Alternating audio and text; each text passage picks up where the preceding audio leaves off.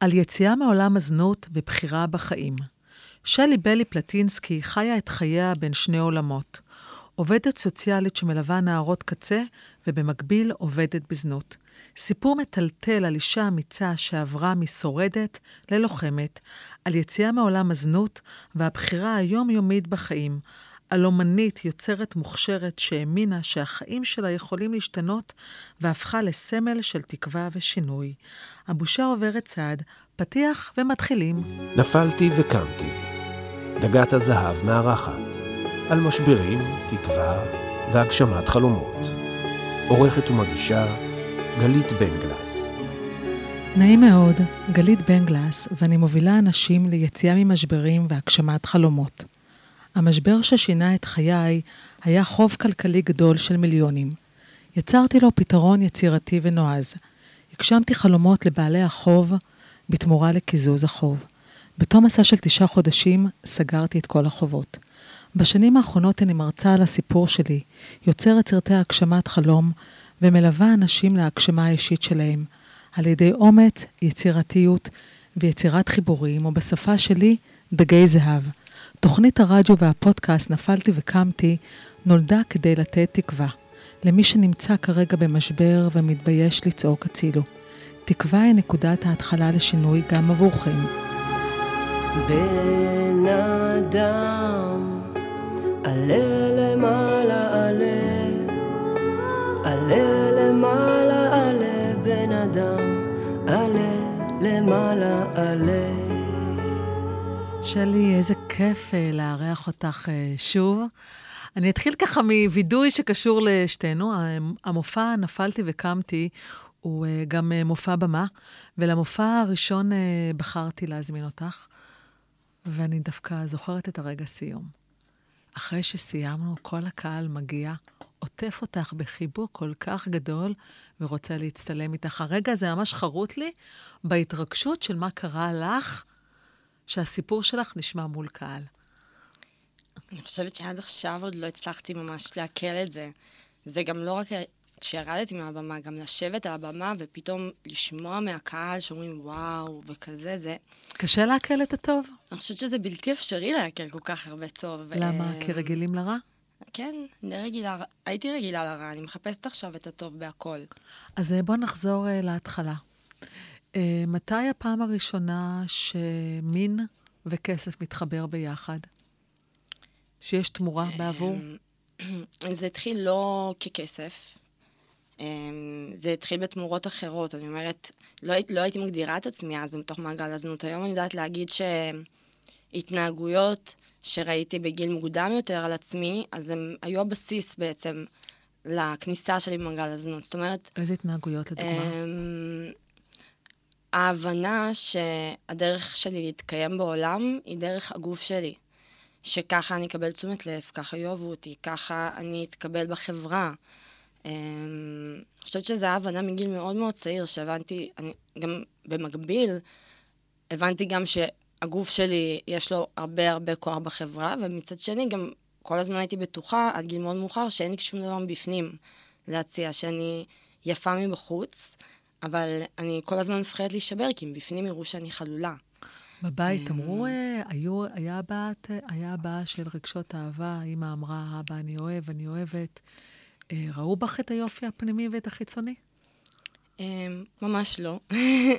זה קשור לזה אמ, לדעתך? מאוד מאוד קשור. ההורים שלי, חוץ מזה שאני, לא חיבקו אותי אף פעם, לא אמרו לי שאוהבים אותי, אה, גם לא ראיתי אותם מתחבקים, לא ראיתי אהבה, לא ראיתי אינטימיות מבחינתי, זה... היה לי מאוד זר. כשיצאתי מהבית, פתאום הבנתי, ראיתי על אחרים, אני מבינה, אני חושבת שהתבונה שלי מצליחה להבין סיטואציות חברתיות, והבנתי פתאום כמה הבית שלי שונה מהנורמה. ומה כאילו, הוא היה שונה?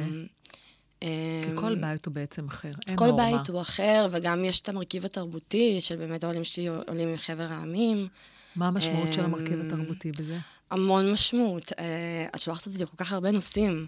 um, אני מנסה להתמקד בשאלה אחת, אבל uh, מבחינה תרבותית, כן, זה מאוד... אני חושבת שבדיוק דיברתי על זה עם אמא שלי, שאני חושבת שהיא פחות חוותה את זה מאשר אני, את ה... להיות, לגור בתוך גטו רוסי, ש... להרגיש נחותה, להחביא את זה שאני רוסייה, להתבייש להסתובב ליד סבתות שלי. אמ, לא לדבר ברוסית, להסתיר את זה, לנסות כאילו... אמ, זה פשוט חלק שלם בזהות, שעכשיו אני חושבת על זה, אני אומרת, חלק שלם בזהות, שהבנתי כמה הוא לא מתקבל בחברה. אז למדתי מגיל מאוד קטן, אני חושבת, לשנות את עצמי לטובת אנשים אחרים. איך זה בא לידי אמ, ביטוי? איך, את משנה את עצמך? מקודם נפגשנו ואמרת לי, וואי, איך כל הזמן את נראית אחרת. נכון. אז גם כלפי חוץ, אמ, זה איכשהו מתבטא, אבל אני חושבת שיש לי, היה לי כישרון לאורך כל החיים, בגלל שאני טיפוס מרצה, להתאים את עצמי כזיקית לכל סיטואציה, ובגלל זה הצלחתי להתאים את עצמי לאוניברסיטה ולהיות סטודנטית, למרות שבמקביל גם התאמתי את עצמי לאשפוזים שהייתי בהם, והיה לי חברים משם. Um, כאילו הצלחתי להשתייך לכל כך הרבה מקומות, אני חושבת שהייתי כל כך הרבה סוגים של אנשים, um, כי כל הזמן בעצם ההבנה שאני משרתת את העולם ואני צריכה לרצות את העולם, ואם לא, אז אני מרגישה אשמה על זה שאני קיימת, ואני מרגישה נטל על העולם. מה הרגע הזה שאת מבינה שאת צריכה לרצות את העולם כילדה? זיכרון אמ, ילדות? תראי, ההורים שלי הם חינוך סובייטי מאוד, אז הם האמינו ש... לא, זה, זה ידוע בהרבה בתים סובייטים, אני חושבת, שכאילו אם ילד בוכה, אה, אז לא לגשת אליו, כי זה מחזק את התנהגות הבכי. ובעצם אה, ככה בחיים לא למדתי לווסת את עצמי, אה, וגם זה רק הגביר את זה. אז אני זוכרת בתור ילדה שהייתי ממש מנסה לעורר את ההורים שלי. אם זה לברוח בחו"ל, אם זה לקפוץ לחומה של חמת גדר, לקפוץ על תנין. מה לא ניסיתי שיראו אותי. וכמה שניסיתי יותר חזק, ככה דחקו אותי יותר ויותר כאילו התעלמו. בתור ילדה את לא מבינה את ההיגיון של הדבר הזה. אה, אני חושבת שבגלל זה גם רוב החיים שלי מאוד מאוד קשה לי לבסות את הרגשות שלי, כי זה משהו שלא למדתי אותו בגיל קטן. תינוק לומד ככה גם גם קרבה, התקשרות, חיבה, אינטימיות, זה דברים שלמדתי רק כשיצאתי מהבית. גם ההורים שלי, נגיד, לא טובים בדברים האלה. כי גם הם לא ידעו ולא קיבלו את זה כן, מההורים שלהם. כן, כן. היום אני מסתכלת עליהם בצורה הרבה יותר חומלת, כי אני מבינה שגם להם יש את ה... כל אחד יש לו את השיט שלו. ומתי הפעם הראשונה שזה מתחבר לתמורה? שאת מבינה ש... אני חושבת מתישהו בחטיבה. שמה? כאילו זכור לי משהו אחד, וגם אני מדברת על זה בסרט.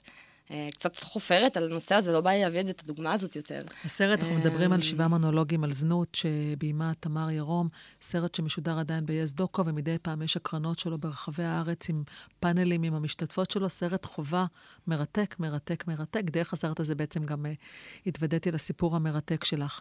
אז מה, מה הרגע הזה? אמ, שאת uh, מדברת על החיבור כ... אה, כטינג'רית? אני זוכרת, נגיד, חבורה של אופנועים שהתחלנו להסתובב איתם, הייתי ילדה והם היו גדולים יותר. ואז אחד מהם, תמיד שזה היה שתיים, שהציעו לי שאם אני אמצוץ להם, אז הם הרכיבו אותי על האופנוע. ואני חושבת שאז הבנתי את החוקיות. אולי זה גם היה לפני בעצם. מה. החוקיות בעצם, שהבנת? החוקיות של כל דבר שאני ארצה להשיג בחיים, גם אם זה דבר חומרי, גם אם זה דבר רגשי, אז זה רק דרך הגוף. הבנתי את הכוח שיש למיניות, וזה לא היה מתוך מקום מחובר למיניות. כאילו, מתוך מקום מיני, את יודעת, כאילו, אני עכשיו רואה נערות של היום, איך הן חוגגות את המיניות שלהן, ואני, זה מדהים. אה, יש לזה הרבה ביקורת, איך הן בטיקטוק, אני חושבת שזה מדהים שהן יכולות לחגוג את המיניות שלהן. אה, אני חושבת שאצלי, אני לא יודעת, כאילו, אצל אחרות, אבל אצלי זה בא מתוך מקום מאוד מנותק ממיניות. מתוך מקום מנותק. אני חושבת שלמדתי שמיניות זה משחק, זה כאילו כמו קצת ללמוד מגיל קטן איך להיות שחקנית פורנו. איך, אמ, איך לגרום לאנשים לשים לב אלייך, איך לקבל תחושה של ערך עצמי. איך? אמ, איך את בעצם עושה את זה מנערה? מה את מבינה? אמ,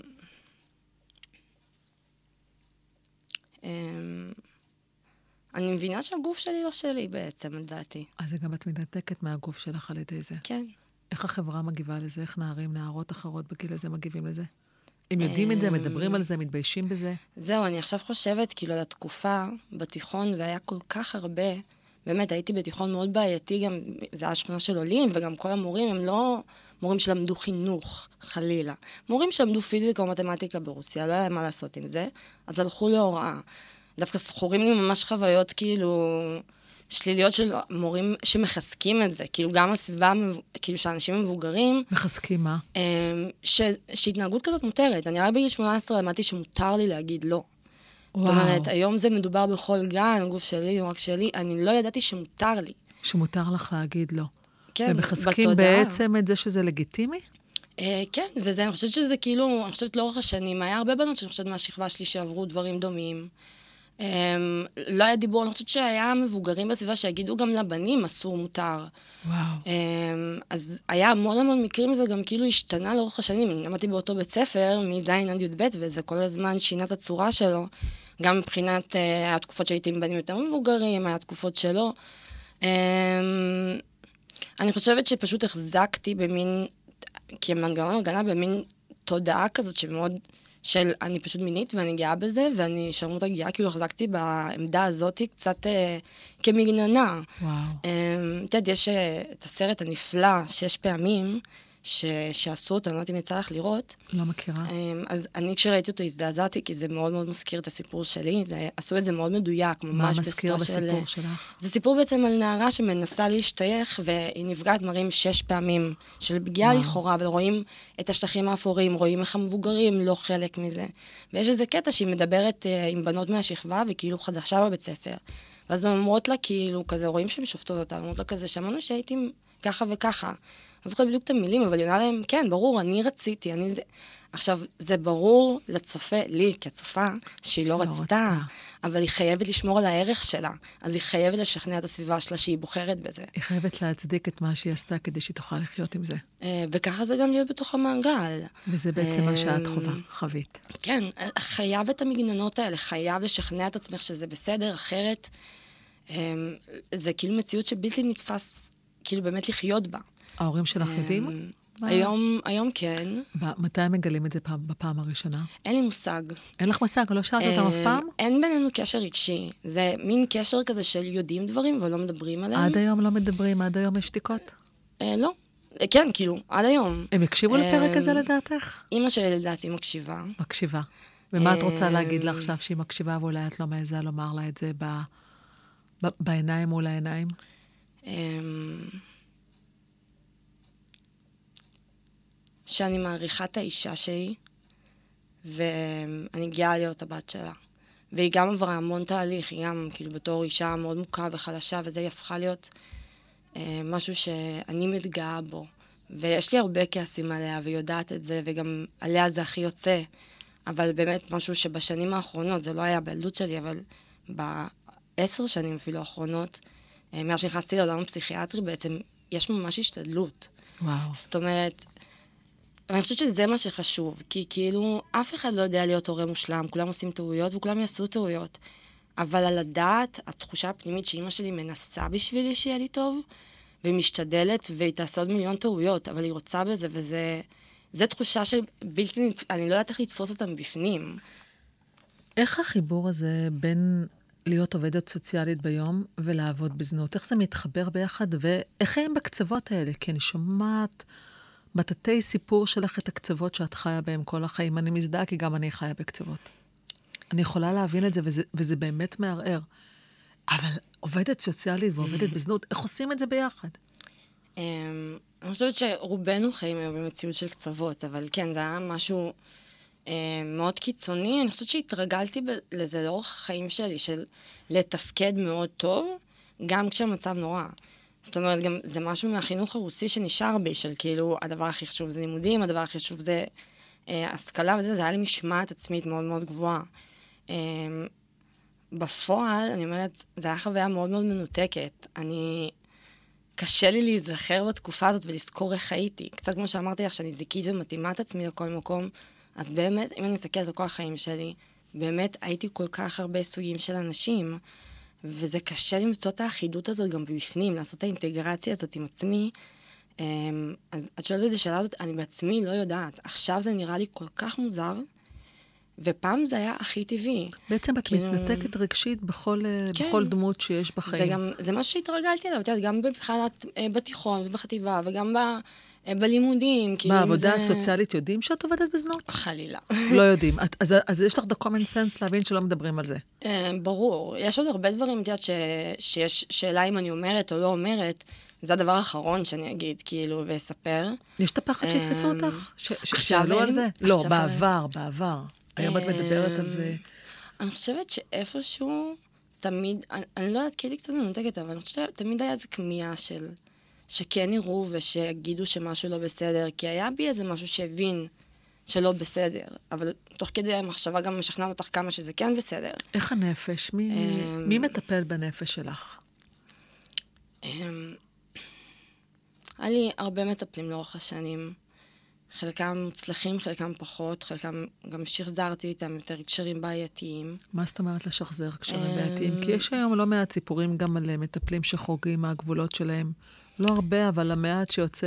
אמ, שיוצא... אני חושבת שזה זה, זה מאוד מאוד מורכב גם לענות על זה, אבל בסופו של דבר, אמ,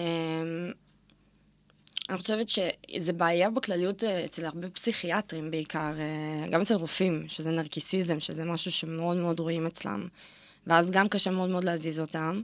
וגם אני, יש לי נטייה קצת, אה, קוראים לזה, את יודעת, בספרות הפופולרית, תסמונת שטוקהולם, של כאילו להתאהב בפוגע, אבל באמת, כאילו, אני רואה לאורך החיים שלי שתמיד הערצתי אנשים בצורה מאוד מאוד עיוורת, ואז בסופ, בסופו של דבר אני מאבדת שליטה בתוך הקשר הזה, כי בעצם הוא שולט עליי, ולא אני, על הקשר. מה הכוונה? את מדברת אמ, כרגע על הפוגע לא, שהוא לא הרופא? מדברת, לא, לא, אני לא מדברת על פגיעה, חלילה, לא פגיעה, לא פגיעה מינית, לא, אבל לא פגיעה כזה. גם יכולה להיות אה, אומרת, רגשית ולא רק מינית. הפגיעה הייתה יותר רגשית, ואני חושבת שזה היה קשר מורכב מאוד, עם חושבת, ש... אחד המטפלים. אני חושבת שהכעס שלי היום זה שהוא בתפקיד המטפל היה צריך לעשות לזה קאט. מה היה? איך- לפני. כאילו, מה היה שם? אבל אני מבינה היום שפשוט שירתתי לו הרבה חלקים באגו, שכל המשרד שלו היה תמונות וציורים שלי, הוא עף על זה, ואני במקביל, אני במקביל שהוא נהנה מזה, אני רק הפסדתי מזה, כי אני נהייתי באובססיה מטורפת, והייתי רבה איתו הרבה, כי הוא גם כזה שחצן מאוד, והיה לי המון ניסיונות אובדניים בגלל זה. וגם ממש התעקשתי על לכתב בפרטי, ובשביל זה נכנסתי למעגל הזנות, כדי לממן את זה. רגע, שנייה, אני רוצה להבין, את אומרת אמ, פה הרבה מאוד דברים, וזה מדהים, את עדיין מדברת עליהם בסוג של ניתוק רגשי, אבל את אומרת דברים אה. מאוד מורכבים. את בעצם היית אצל מטפל, שכדי שתוכלי לממן את הטיפול הפרטי, את עובדת בזנות. אה, נכון. כדי לצאת מה... אני והוא יודע מזה? הוא יודע מזה, אבל שוב, אני לא, לא שמה עליו את האחריות על זה. האחריות היחידה שאני אומרת, כמטפל, הוא היה צריך לשים לזה קאט, לראות שזה לא עושה לי טוב הטיפול. וואו. אמ, וההבנה שלי עכשיו בדיעבד, זה היה שלוש שנים של קשר. והוא שם יצירות אומנות שלך, את, את בין השאר אומנית מטורפת, אנחנו גם נדבר על זה. זאת אומרת. באמת, את אומנית אה, ש, שאין דברים כאלה. את יודעת, אני רואה אותך מציגה בגלריות הכי גדולות בעולם, אנחנו גם נגיע לזה בהמשך. אבל בעצם את מגיעה לטיפול, את משלמת עליו בעבודה בזנות, אותו מטפל שם יצירות אומנות שלך, שזה משרת בעצם את הנרקסיזם שלו, של מה? איך זה בא לידי ביטוי בשירות שלו את עצמו? שמי, אנשים נכנסים למשרד שלו, רואים כמה אוהבים אותו. וואו. הוא טיפוס, הוא באמת טיפוס, ואני מבינה את זה עכשיו. כמה זמן הטיפול הזה מתבצע איתו? אמ, הייתי אצל- הייתי אצלו שלוש שנים, טיפול מאוד וואו. אינטנסיבי, ואני חושבת שהרגע שהוא עזב, אה, הוא עזב, אני לא יודעת לעזוב קשרים, זה משהו שהוא בעיה זאת אצלי אומרת, תמיד. הוא עזב. כן, וזה היה באמת, זה היה קשה מנשוא, אבל זה היה מתנה, וגם ידעתי להגיד לה שזה מתנה, כי פתאום, אחרי שהוא עזב, היה מקום לחלקים הבריאים שלי, היה מקום לא רק לפתולוגיה, לא רק לחולי, שהוא מאוד מאוד חיזק, וגם זה בעיה להיות בקשר עם פסיכיאטר, קשר כל כך רציף, כי באמת יש משהו מאוד מאוד משאיר במסכנות, בקורבנות, בחולי. וואו. וואו. וגם בסופו של דבר, אני מבינה שגם יש לי חלקים בנפש שרצו להמשיך להיות חולה, כי רציתי שימשיך לטפל בי. אז בעצם כמה אופציה היה לי באמת לעבורי. אה, ושוב, אני לא, לא אומרת עליו, אני לא מפילה עליו אשמה, אני אומרת איך אני רואה את עצמי בתוך הקשר הזה, ואני רואה שזה קשרים שמשתחזרים לי לאורך הזמן, את יודעת, בצורות שונות, אבל אפילו על המשפחה שלי, שאמרתי לך, רוב הכעס שלי יוצא על אימא שלי, בחיים לא, כאילו, חוץ מלאחרונה, לא יצא לי לכעוס על אבא שלי, תמיד הרצתי אותו, תמיד רציתי שיהיה גאה בי. ראיתי אותו ככזה משהו לשאוף אליו, ו- ו- והוא היה בן אדם קשה, הוא עדיין בן אדם מאוד מאוד קשה. ואלים, ו- וזה, אבל מעולם לא הצלחתי לכעוס עליו. זה מדהים, יש בך לקיחת אחריות טוטאלית. דרך אגב, את מאוד מזכירה לי אותי בזה. אני חושבת אולי שחלק מלא לכעוס, זה גם כן, זה הניתוק מלהבין את הכאב שאתה עובר. אני עברתי עכשיו שנה של ללמוד שכן מותר לכעוס ואיך לווסת את הכעס. היה לי, אמ, היה איזה מצב דחק לפני בערך שנה, שהכניס אותי למצב שניתוק מוחלט מהמציאות, דיברתי כמו ילדה קטנה, לא שלטתי על צרכים, באמת, כאילו משהו מאוד מאוד רגרסיבי לילדות. שהיית צריכה בעצם לעשות אותו כילדה. זוכר, ואני זוכרת את החוויה שהרגשתי את הרגשות בצורה כל כך עזה. כאילו, אני מאמינה שככה ילדים חווים את זה, אני לא זוכרת, אבל כל כך עזה, ובעצם היה את המציאות, והיה את המציאות ש... שהייתה אצלי. שהמציאות שלי הייתה, שחזרתי את כל הקשרים שלי פתאום, הכל התפרק לי בידיים. אני לא, לא האמנתי, אני זוכרת, באמת, היה מצבים שהתחננתי להמתת חסד. כאילו, באמת, לא הבנתי איך אני יכולה להמשיך לחיות אחרי הדבר הזה. אה, וכיף לי עכשיו שנה אחרי להסתכל על התהליך גם שעברתי בזה, וזה באמת תהליך כואב של, של האינטגרציה הזאת, לעשות את, ה, את החיבור הפנימי בין כל החלקים השונים שגם צריך לתת להם מקום. גם לכעוס מותר, וצריך לתת לזה מקום, וזה קשה, קשה לי לחוות רגשות שליליים. ולא לשנוא את עצמי תוך כדי. אם אני כועסת, אני גם שונאת את עצמי. ומרגישה אשמה. היום את יכולה לכעוס בלי לשנוא? היום אני מצליחה... אמ, אני, אני מבינה הרבה דברים, אני קוראת לזה את החלק ההגיוני שלי בשכל, ויש את הידע שהוא יותר רגשי, שנרשם בגוף. אה, אז אני מאוד מנסה ללמד את הגוף שלי אחרת, עם חוויות מתקנות. אה, וזה בהכל, ובקשרים, ובהכל, וזה גם זה. אז דיברנו על המערכת יחסים עם הפסיכיאטר ועם המטפלים לאורך הזמן. מה המשמעות של מערכות יחסים עם לקוחות? איך זה בכלל קורה? הלקוח הראשון, מתי הפעם הראשונה שאת uh, מקבלת באמת כסף, ש, ש, ש, שבעצם זה הופך להיות uh, רשמי, שאת בעצם מבינה שאת בתוך מעגל הזנות? Um, וואי, אני נזכרת ברגע הזה, זה רגע נורא. אני זוכרת פשוט את האמירה אחרי, שאמרתי, וזה באמת הרגשתי ככה, ש... אמ, כשסיפרתי בטיפול, נגיד, אז אמרתי, אני לא מרגישה הבדל. כי כאילו, עד אז נפגשתי עם גברים, נפגעתי, ופשוט לא קיבלתי על זה כסף. ועכשיו, אני כאילו פתאום הרגשתי אה, ממש עם מלא כוח. וואו. כאילו... מה, סוג של נקמה? אה, לא, לא, לא יודעת אם מתוך מקום נקמני, אלא מתוך מקום של, אוקיי, כאילו, גם ככה זה קורה. למה שאני אדפק מזה? אולי זה קצת גם כדי להעלות לעצמי גם את הערך העצמי. מה זה קצת? זה הרבה בשביל זה. אמ, גם ההבנה שאנשים מוכנים לשלם על זה כסף, וכמה כסף. אמ, ויש את אלה שמציעים יותר, וזה תמיד מעלה את הערך. אמ, זה יושב על הרבה מקומות שהיו, שחסרים לי בקשרים, הקבלה, האהבה, האינטימיות, ה... זה... זה כאילו עונה לך על כל הצרכים האלה בצורה די מלאכותית, לא אמיתית, אבל באשליה שאת נמצאת בה, כן.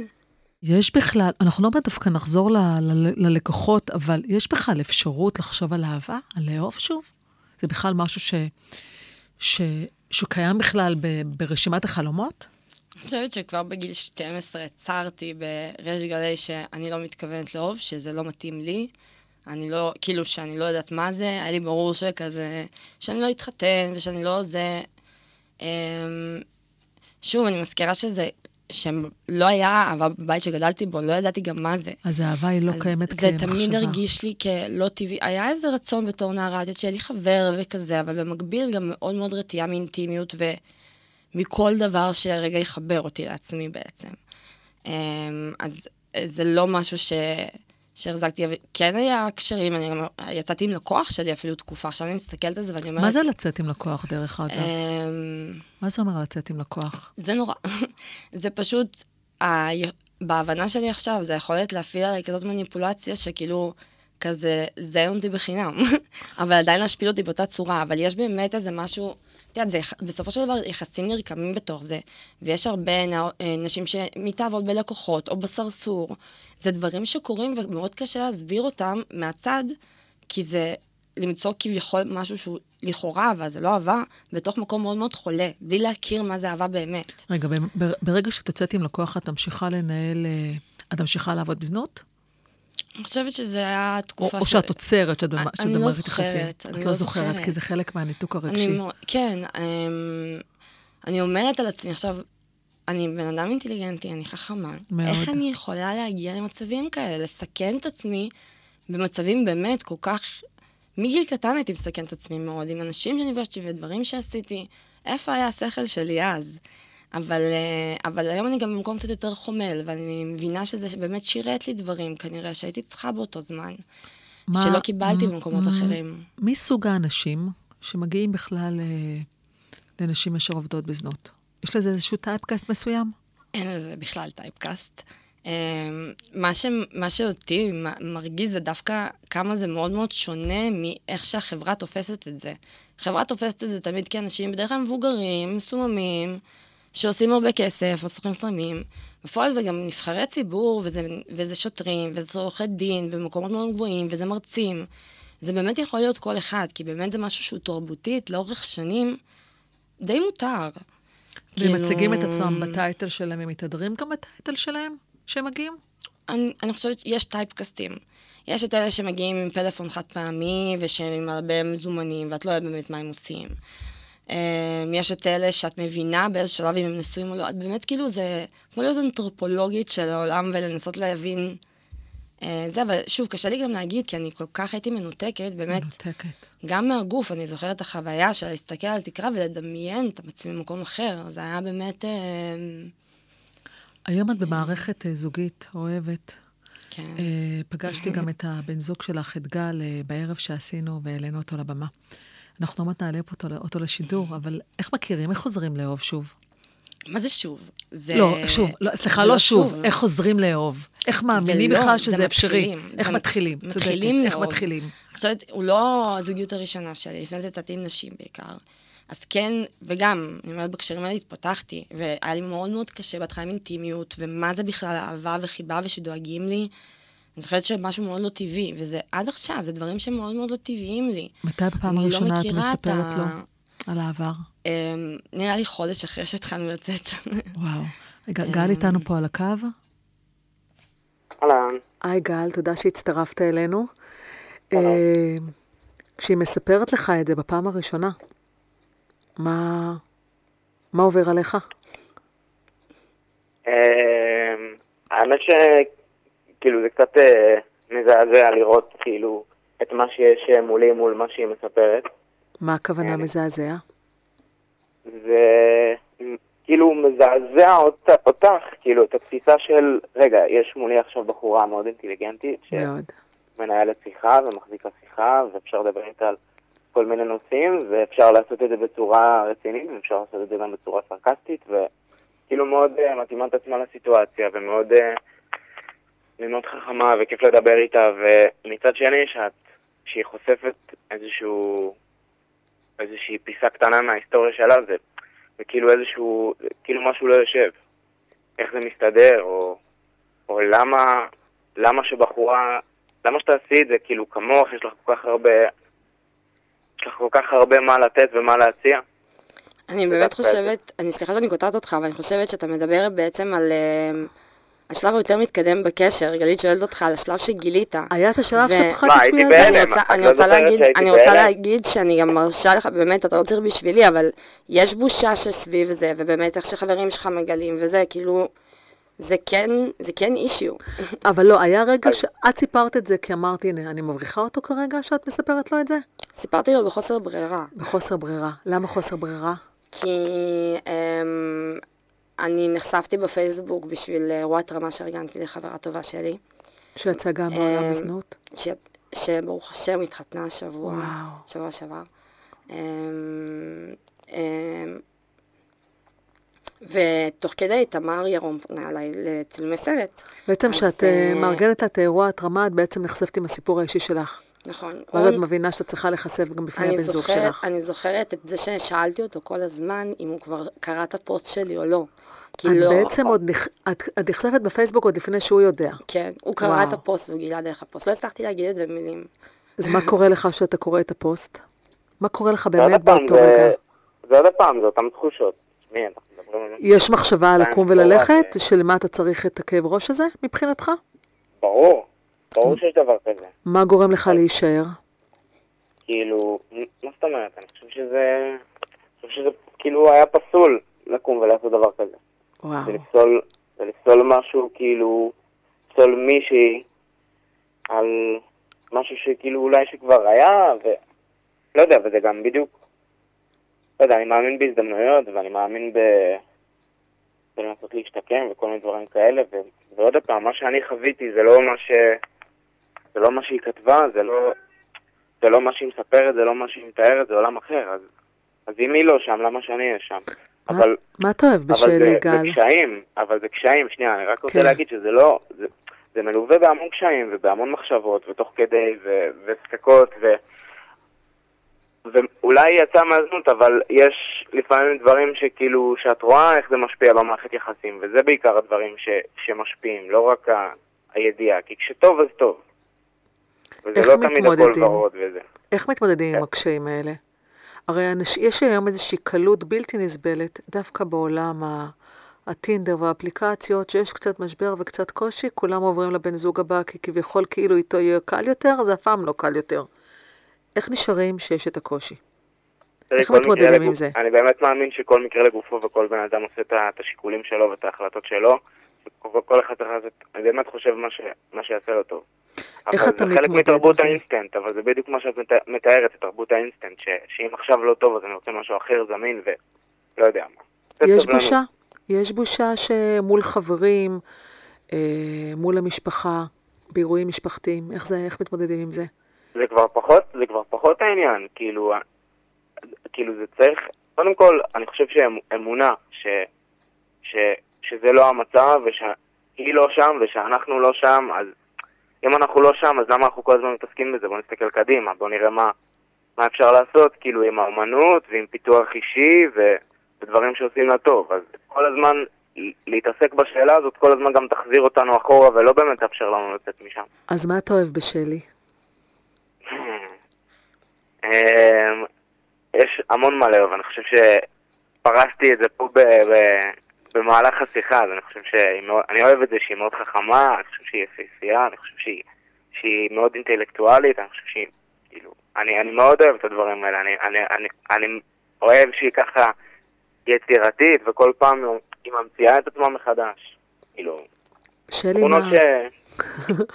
שלי, מה את רואה בגל? מה מצאת בו? ש, שבחרת ככה, לשתף, ל, שהוא יהיה האהבה הראשונה. אני רק רוצה לשתף שהיה, מאחד האשפוזים שלי, רק התחלנו לצאת והתאשפזתי גם בשלב, הכל היה מאוד אינטנסיבי, אז, אה, אז, המטפ... אז כאילו היה לי מאוד קשה עם עצמי, זה היה תחילת הקשר, אה, ואז המטפלת שלי שם שאלה אותי, אה, למה את חושבת שגל אוהב אותך?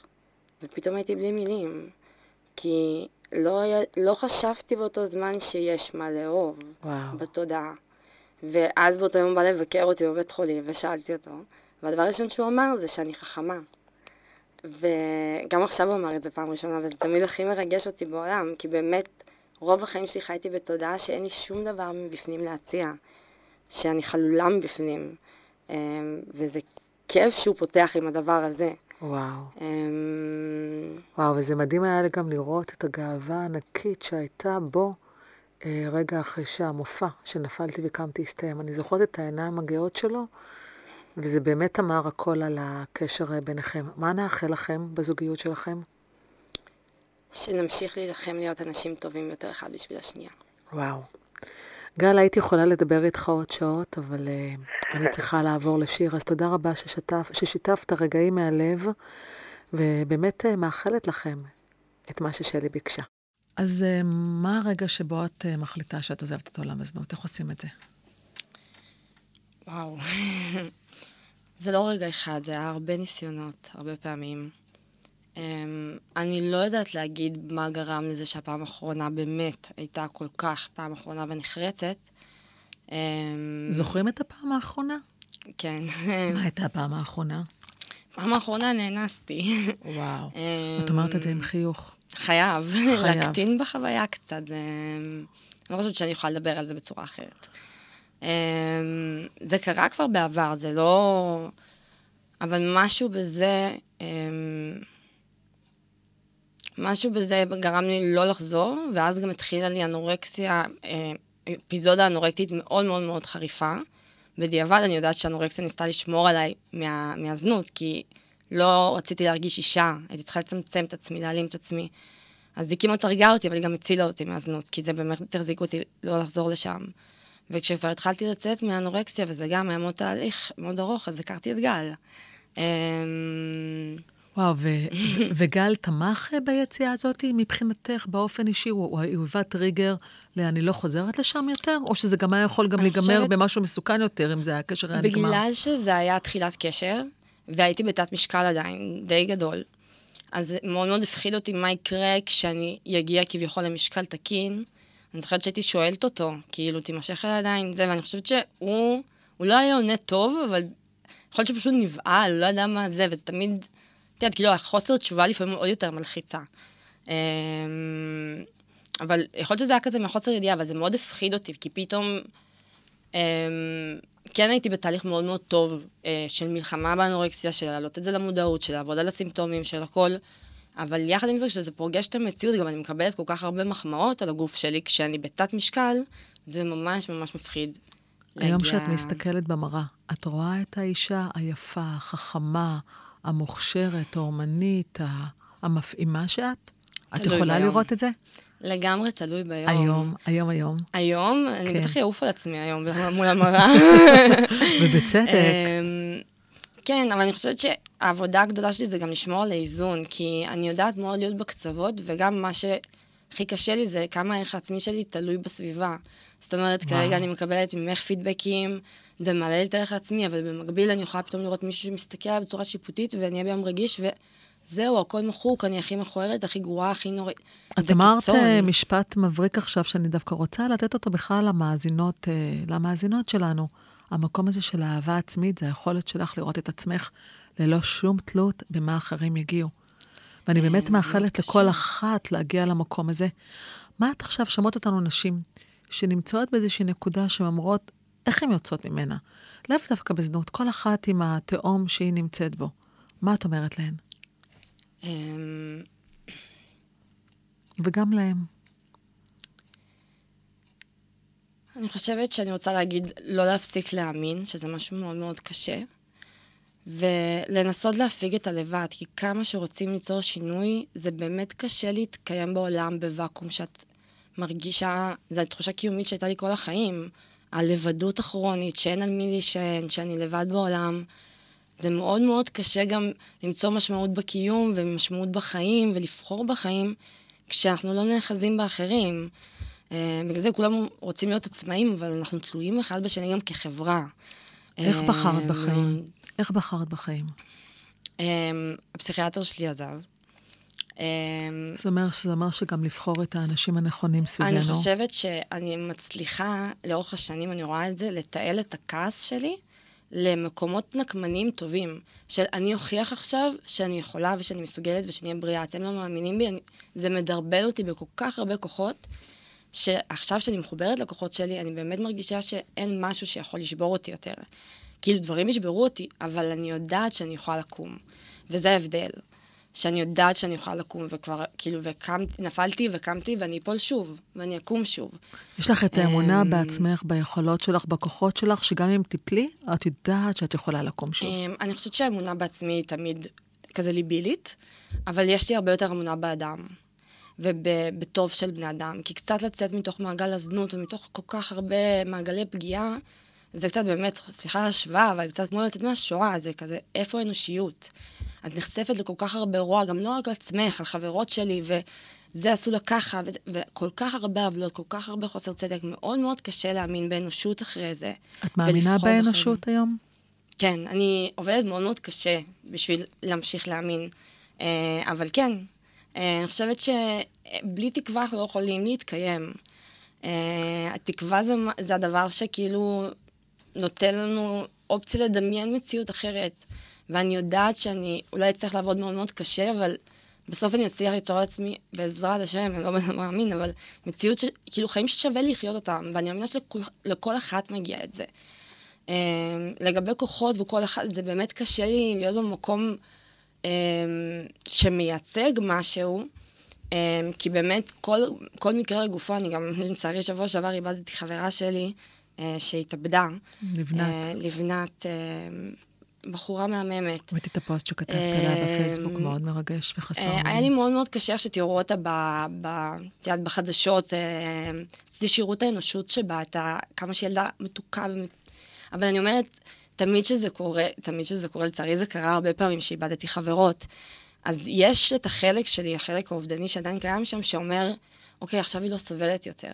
כי זה באמת חיים של כל כך סבל, ואני יודעת מה זה להיות במקומות האלה. ואני אומרת, אני גאה בעצמי על המקום שאני נמצאת בו, אבל אני לא הייתי מצליחה לעשות את זה בלי התמיכה שיש לי. ו... ואני גם עוצרת היום להגיד תודה על מה שיש לי. וואו. מה החלומות שלך? תעופי הכי רחוק.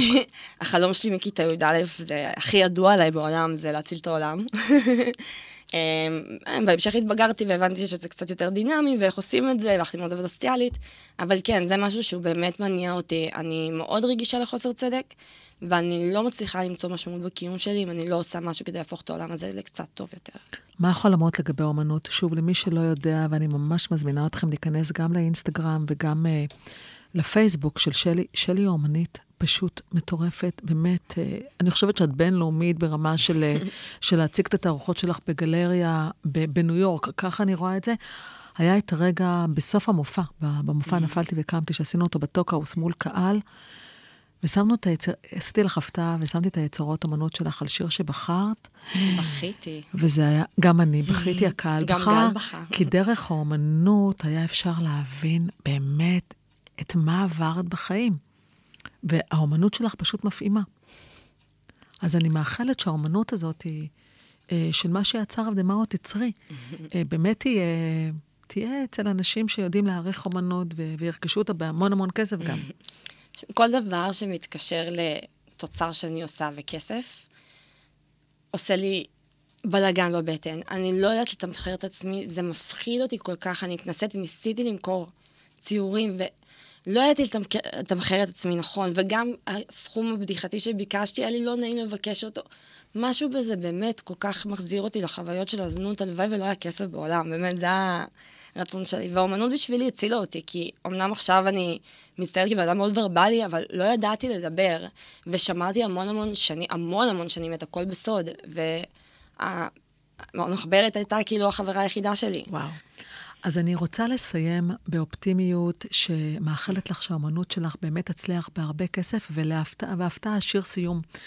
הזמנתי את איילת עוז מימון, שתשאיר לך את ביונסה בגרסה לעברית. אז בבקשה, איילת. ברצוני להשאיר בחולות הזמן את טביעת רגליי, לדעת שהיה דבר, היה דבר שהשארתי אחריי, כשאנשור מן העולם בלי חרטה שתישאר, אשאיר דבר בלתי נשכח, כזה שייזכר, הייתי כאן. חייתי, אהבתי, הייתי כאן. עשיתי, השלמתי, כל אשר רציתי, ויותר משחשבתי שאפשר. אשאיר את החותם, כך ידעו כולם, היית כאן. רוצה לומר, אנשום כל יום עד היום בו אחדל. הייתי משהו בחיי מישהו, זאת אני יודעת. הלבבות בהם נגעת, יאמתו שאכן, שעשית הבדל, שהעולם עוד ישכיל לאבחן. היית כאן, חיית, אהבת, היית כאן. עשית, השלמת, כל אשר רצית, ויותר משחשבת שאפשר. השארת את החותם, עוד ידעו כולם, היית כאן. רק רציתי שידעו, נתת הכל בכל מאודך שלי. שימחת מישהו, וזה לא דבר שולי. השארת את העולם הזה יותר טוב קצת, ולו רק מפאת שהיית כאן.